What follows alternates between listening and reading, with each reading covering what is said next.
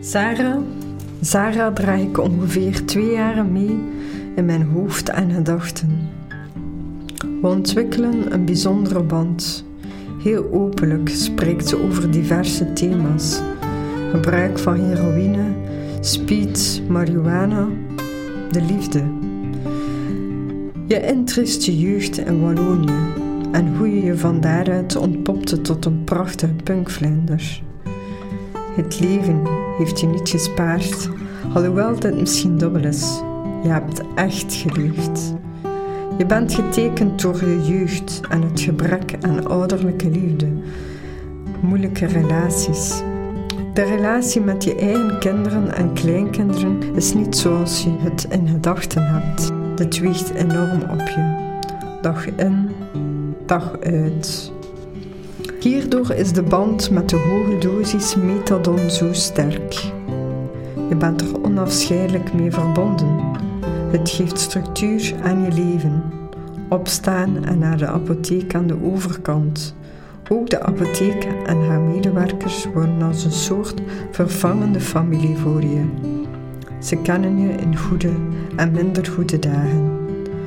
Je manier van leven is nu een heel hoge prijs van je lichaam. We hebben het over de zwaarte van het leven. Je bent actief op zoek naar liefde. Naarmate de tijd voorbij gaat, wordt hij belangrijker voor je, maar tegelijkertijd is hij heel belastend voor je. December 2021. Je wordt opgenomen in het ziekenhuis. Je bent vastberaden. De dokters moeten bevestigen dat je MS hebt. Je wijkt er niet van af. Je verhuist van de ene naar de andere afdeling. De man in je leven neemt uit noodzaak je appartement over. Hij komt je zoveel mogelijk bezoeken. Ik stel me vele vragen bij de bedoelingen van zijn bezoek en de toestand waarin hij Sarah achterlaat nadien. Ikzelf voel dat Sarah onanspreekbaarder wordt. Ze ondergaat een hevige psychose. Je verhuist van een open naar een gesloten afdeling, waarin ze je uiteindelijk op een kamertje alleen steken omdat contact met andere patiënten te moeilijk is. Aangekomen aan je kamer is de deur dicht, maar ze hangt vol met volgeschreven post-its in een hakkelig handschrift. Diverse onsamenhangende boodschappen staan hierop. Wekelijks zie ik hoe je opgaat in de onderwereld van de psychose. Met duidelijke intonatie zeg je dat Madame Curie bij was in scanner. Omicron is een thema dat je dagelijks bezighoudt, als ook de dood van Arno. De bezoekmomenten zijn heel bevreemdend voor me. De band die we opbouwden de voorbije jaren wordt dunner. Ik probeer je op het moment zo goed mogelijk aan te voelen. We kijken naar de foto's uit je verleden.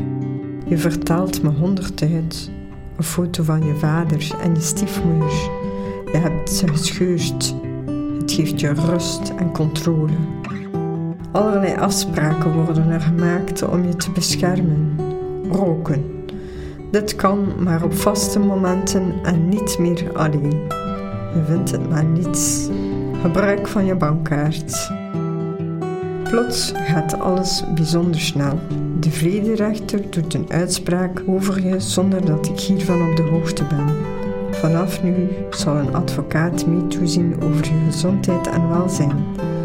Je verhuist van Gent naar een dorp aan de Schelde. Ik voel je langzaam verder van me wegleiden. Je lichaam is op en er is een afstand tussen het hier en nu en je verleden. Alles vervaagt. Net als je denkt dat er geen hoop meer is, verras je me met je kracht. Je past je aan en maakt het beste van de huidige situatie.